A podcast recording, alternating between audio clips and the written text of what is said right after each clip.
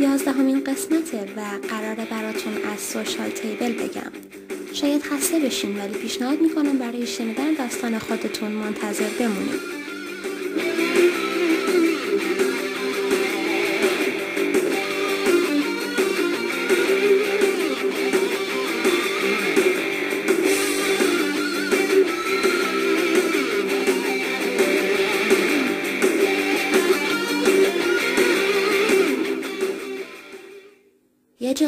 نیازمند شهرونده و شهروند کسیه که از خودش و بقیه آگاهه و در جامعه دست به عمل میزنه. یه شهروند حقوق خودش و بقیه رو میشناسه و همینطور با شناخت قانون مطالبه میکنه و از این حقوق دفاع میکنه. اون توی اموری که میتونه مشارکت داره و همیشه به دنبال آگاهیه. اون آدم خاصی نیست. فقط سعی میکنه وجود داشته باشه. اما این شهروند نیازمند تفکر، مطالعه، گفتگو و تصمیم گیریه و قطعا یه چنین فضایی رو مخصوصا توی بخش گفتگو نمیشه توی اتاق شخصی هر کسی پیدا کرد. پس این جامعه مکانی میخواد به اسم کافه. هرچند امروزه مفهوم کافه برای ما متفاوته اما در حقیقت یک کافه باید دارای ویژگی های مناسب و مخصوصی باشه. مثل میز و صندلی هایی که افراد دور هم جمع کنه یا بعضی وقتها میز و صندلی هایی که مخصوص یه نفر و توی یه جای دنج کافه باشه و فضایی که حاضران رو به فکر فرو ببره. موسیقی برای هی میخواد که ذهن رو آروم کنه و البته خوراکی هایی که به کام همه خوش باشن. توی 13 دسامبر 1992 یه فیلسوف فرانسوی به اسم مارک سوته نوعی گرد همایی رو توی کافه های پاریس پایه گذاری کرد. اون با این فکر که میتونه افراد عادی رو با فلسفه آشنا کنه اسم گرد همایی های خودش رو کافه فلسفه گذاشت. البته سوته یکم قضیه رو جدیتر پیگیری میکرد. مثلا میگفت که من به شرکت کننده های این محافل کمک میکنم افکارشون رو سامان بدن. به تردیدهای اونا دامن میزنم و به جای پاسخ گفتن به پرسش هاشون پرسش های صحیحی رو در مقابل دیدگانشون قرار میدن. اون هر روز به بهانه دیدن دوستاش به کافه دفر توی میدون باستیل میرفت و با دوستای خودش مشغول گفتگوهای فلسفی میشد. در حوالی کافه فلسفه یه نام دیگه در جریانه که موضوعات گسترده تر رو در بر میگیره و احتمالا میشه گفت عمومی تره. اسم اون میز اجتماعیه. در واقع هدف این دوره همین ها ایجاد یه فضایی برای گفتگوی چهره به چهره است.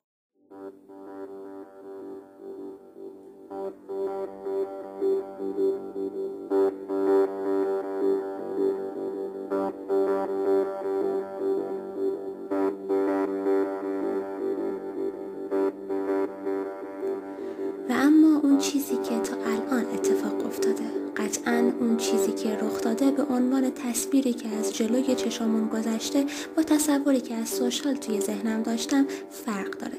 ولی هر اتفاقی بالاخره میتونه لذت بخش یا غم انگیز باشه. از دوران نوجوانی آرزوی یه همچین چیزی رو داشتم ولی از اونجایی که آدم اجتماعی نبودم دست به هیچ غلطی نزدم. اوایل مهر 96 بود که تصمیمم رو گرفتم. یه سری نگرانی ها یا اسمش رو بذارم. اعتماد به نفس پایین باعث شد اولش این موضوع رو با آشناها در میان نذارم. به شکل سنتی یه متن دعوت کوتاه نوشتم ازش حدود 20 تا کپی نوشتم و مناسب ترین تعداد رو برای سوشال در نظر گرفتم. 3 تا 17 نفر. اگه از این 20 نفر که به صورت تقریبا تصادفی دعوتنامه بهشون میرسید 10 نفر هم جمع میشدن میشد شروع کرد. نهایتا چهار پنج نفر خوششون نمیومد و 5 نفر میموندن. بازم تعداد مناسبی بود. ولی من بعد پخش دوازده تا از دعوتنامه ها و دریافت نکردن هیچ خبری ازشون بیخیال قضیه شدم. یکی از اونا محمد بود. یه روز که رفته بودم هستی برای تولد دوستم کیک بگیرم. همون جا رامو کشیدم به سمت پارک آزادی و طبق معمول روزای قبل یکی که بین آدم ها فرق داشت یه حسی به هم گفت که همینه. پس دوازده همین دعوتنامه رو با نهایت امید بهش سپردم و رامو گرفتم و از اونجا دور شدم. همونطور که گفتم هیچ اتفاقی نیفتاد. اون روزا توی کافه قاتوق مشغول به کار بودم. تقریبا یادم رفته بود چقدر به سوشال علاقه دارم. یه پسر از میز 55 بهم به گفت حرکت چطور پیش رفت؟ نفهمیدم از چی داره میگه. عکس دعوتنامه رو توی گوشیش نشونم داد. اونجا عملا باهاش آشنا شدم. محمد. امیدم برگشت.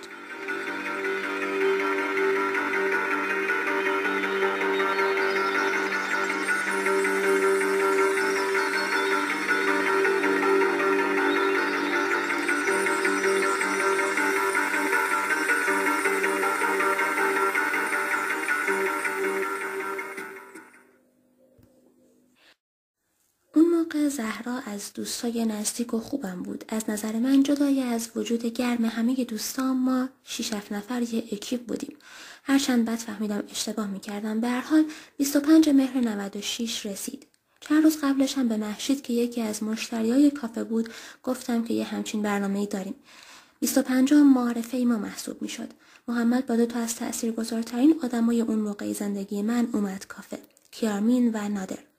زهرا که خیلی خوب پای ایدم وایساده بود رسید به نیما هم خبر داده بودیم و خودش رو رسوند از اون ور محشید و یه سری دوستاش اومدن دوستای محشید همونایی بودن که احتمالا دیگه نمیدیدیمشون به خاطر روابط عمومی ضعیفم حین تلاشم برای صمیمی شدن با بچه ها یه حالت معدبانه رو با خودم داشتم که فکر میکنم خسته کننده نشونم میداد. اون روز همه خودشون و علایقشون و تنفراتشون معرفی کردن.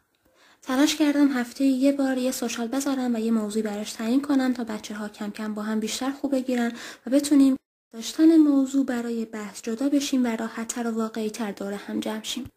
هرچند با وجود تمام تلاش ها، صبوری ها، پیش بینی وضعیت، اعتقاد به این که میشه به صورت بلند مدت و کم کم به سوشال مد نظرم برسم ادامه دادم ولی در نهایت همه چی داشت تموم میشد و من دقیقا حواسم به این قضیه نبود. یازده آبان باز دور هم جمع شدیم محمد فیلم کاپتان فانتاستیک رو معرفی کرده بود و قرار بود راجع بهش صحبت کنیم We can't go to mommy's funeral. We have to do what we're told. We want to see mom. Grandpa can't impress us. Some say love. Right now, this is your first real test. Remember your training. They have hot dogs. What's cola? Poison water. so happy that our family is together. It's all local and organic. How did you kill those chickens? With an axe or a knife? By the rotisserie chicken, so you buy it on it's already dead. آبان از تاریخچه عکاسی و به طور ویژه‌تر به پورتره‌های استیو مککوری پرداختیم. دو آذر درباره ویدیو موزیک کانفورمیست از جورج گابر گفتیم.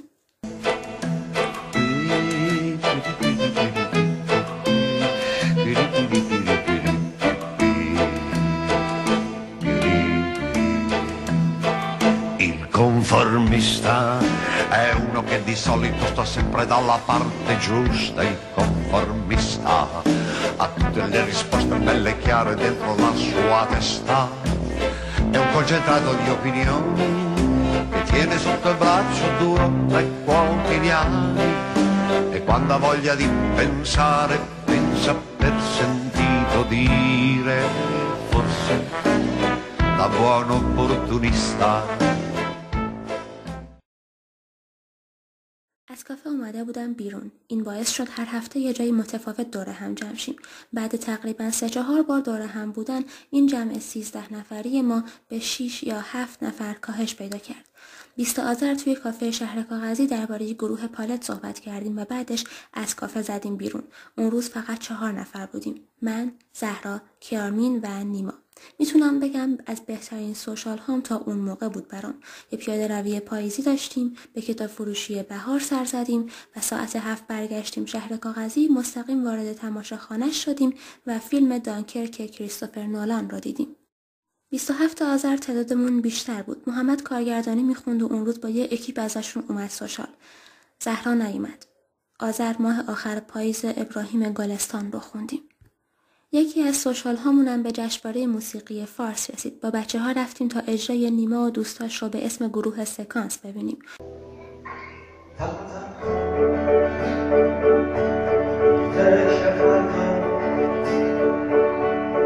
کاش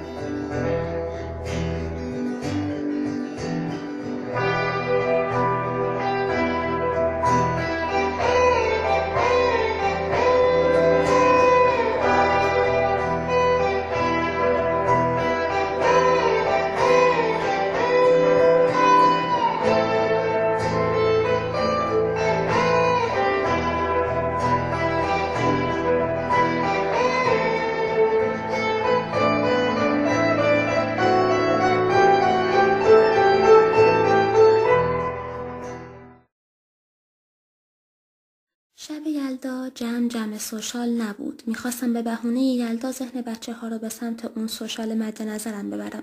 اون جمعی که برای حرف زدن با هم برای بیان ایده هاش برای گفتن از دقدقه هاش احتیاجی به موضوع از قبل تعیین شده نداشته باشه. ولی اکثرا ترجیح میدادن روزهای خاص رو با خانواده هاشون باشن. اون شب من بودم و نیما و علی. علی پزشکی میخوند و فقط همون شب دیدمش. البته با امیر حسین و خواهرش آشنا شدم امیر حسین دوستانی ما بود و ما پنج نفر بودیم از همین روزا بود که کم کم هر سوشال تقریبا با سه چهار نفر برگزار می شد. زهرا و محمد تقریبا دیگه نمی اومدن. نیما نسبتا پایه ثابت شده بود و نادر و کیارمین رو یکی در میون می دیدیم. البته هفته بعدش یعنی 23 بهمن وضعیت یکم مثل قبل شد. موضوع به صورت کاملا عجیبی شده بود علامت سوال. کافه نیکان بودیم. محمد رو در حال رد شدن از خیابون دیدیم و کشوندیمش تو کافه. اون شب زیاد خندیدم و به خاطرش حس خوشبختی دارم. سیوم توی کافه تیوی درباره انیمیشن جیغ و تابلوی جیغ ادوارد مونک صحبت کردیم. اون روز شهلا اومد. شهلا رو از قرارهای عکاسی محمود میشناخت. Are you scared to die? No, no, I'm not frightened of dying. Really? Are you sure? Any time will do. I don't mind. If you're scared, it's okay. I mean, who wouldn't be? Why should I be frightened of dying? Oh, I don't know. Some people are. There's no reason for it. You've got to go sometime.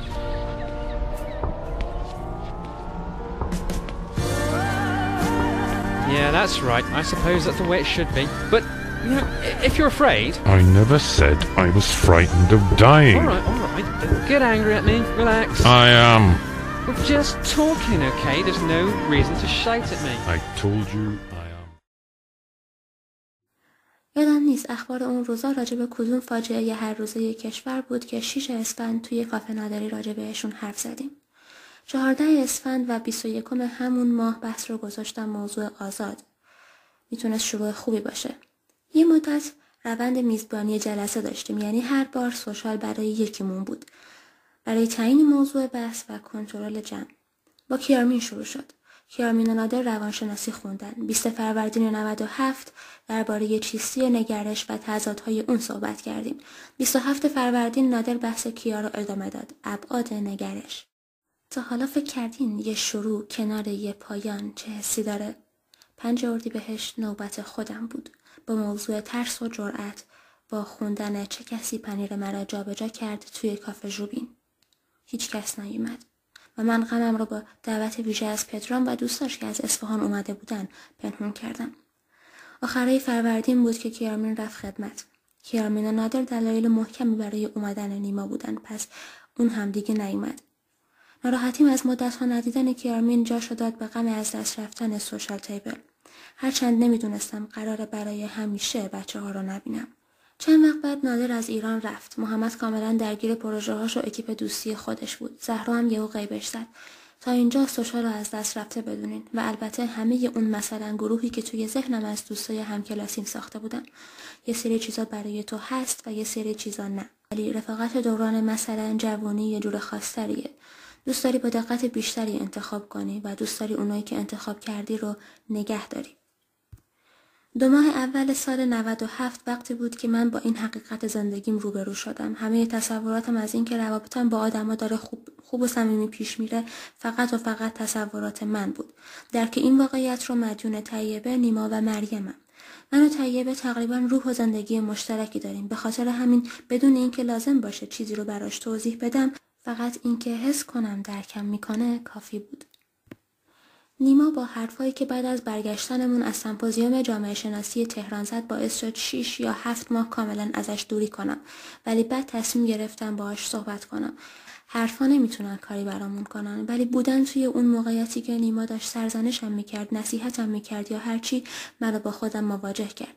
لحظه آشنایی بود قبلا یه بار تجربهش کرده بودم و از اون روز درست وقتی لبه بام الهیات نشسته بودم این حس رو واسه خودم درونی کردم و جایگاه مریم مریم اینجا کمک کننده ترین آدمی بود که میتونستم توی اون شرایط و موقعیت داشته باشم کسی که هیچ وقت نمیتونم حذف شدنش رو از زندگیم حتی تصور کنم بعد از یه سال به انجمن علمی دانشکده برگشته بودم. یه سری طرحها رو داده بودم دکتر عباسی که مشاور انجمن بود.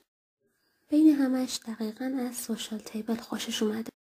راستش نباید اونجا می نوشتمش اون موقع نیما دبیر انجامم بود. من موضوع رو انتخاب می کردم اون پوست راش آماده می کرد و دکتر عباسی آدمایی که کمک کننده بودن رو معرفی می کرد موضوعاتی توی حوزه های مثل زنان، کارگران، قتل های ناموسی، انجمن های جامعه شناسی و صحبت درباره جو دانشکده علوم اجتماعی دانشگاه شیراز. سوشال از صمیمیت به سمت ساختار یافتگی و مثلا علمی تر شدن پیش رفت و من از فکر کردن به آدمای عزیز زندگیم به سمت صرفا کنار اونا قرار گرفتن در حرکت بودم.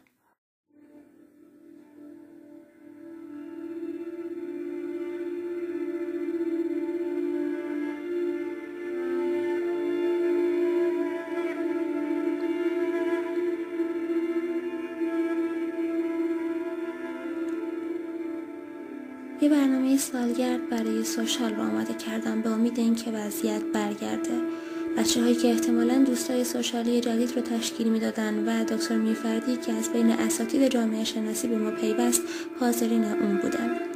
احسان و حسین آدمایی بودن که خواستن کمک کنن سوشال برگرده تلاشم رو کردم براشون توضیح بدم که دیگه در توانم نیست ولی اونا همش از نحوه مدیریت جلسه و خوبی ادامه دادن میگفتن منم که یه بخشی از وجودم توی گذشته و یه بخشی ازم توی رویا برای آینده گیر افتاده بود تصمیم گرفتم دوره دوم سوشال رو شروع کنم این دفعه هرچند لذت و شوق دوره قبل نبود ولی تعداد بیشتر و بچه ها سر حال تر بودن نه آبان 97 توی قالب سنتی از ماسوله به اسم بشن به نصر رفتیم سمت پارک کوهستانی نور و خودمون رو به بام چاه مرتاز علی رسوندیم چای خوردیم و راجع به فرهنگ مردم صحبت کردیم اولین بار به بچه های قرار رکاسی رفته بودم اونجا و بعد از این سوشال شد برنامه یه هر صبح جمعه یه مدت به یاسی میرفتم توی زیرزمین تاریک و خفه ای که بالای اون کوه بود می نشستیم و کلخور گوش میدادیم بعدها ولی فقط خودم بودم که میرفتم.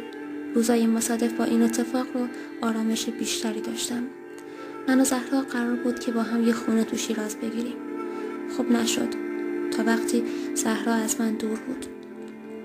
لحظه های من توی خونه با دقت بیشتر و سرعت کمتری میگذشت. هرچند بچه ها بهم سر می زدن ولی یه حس از دست دادن خاصی داشتم.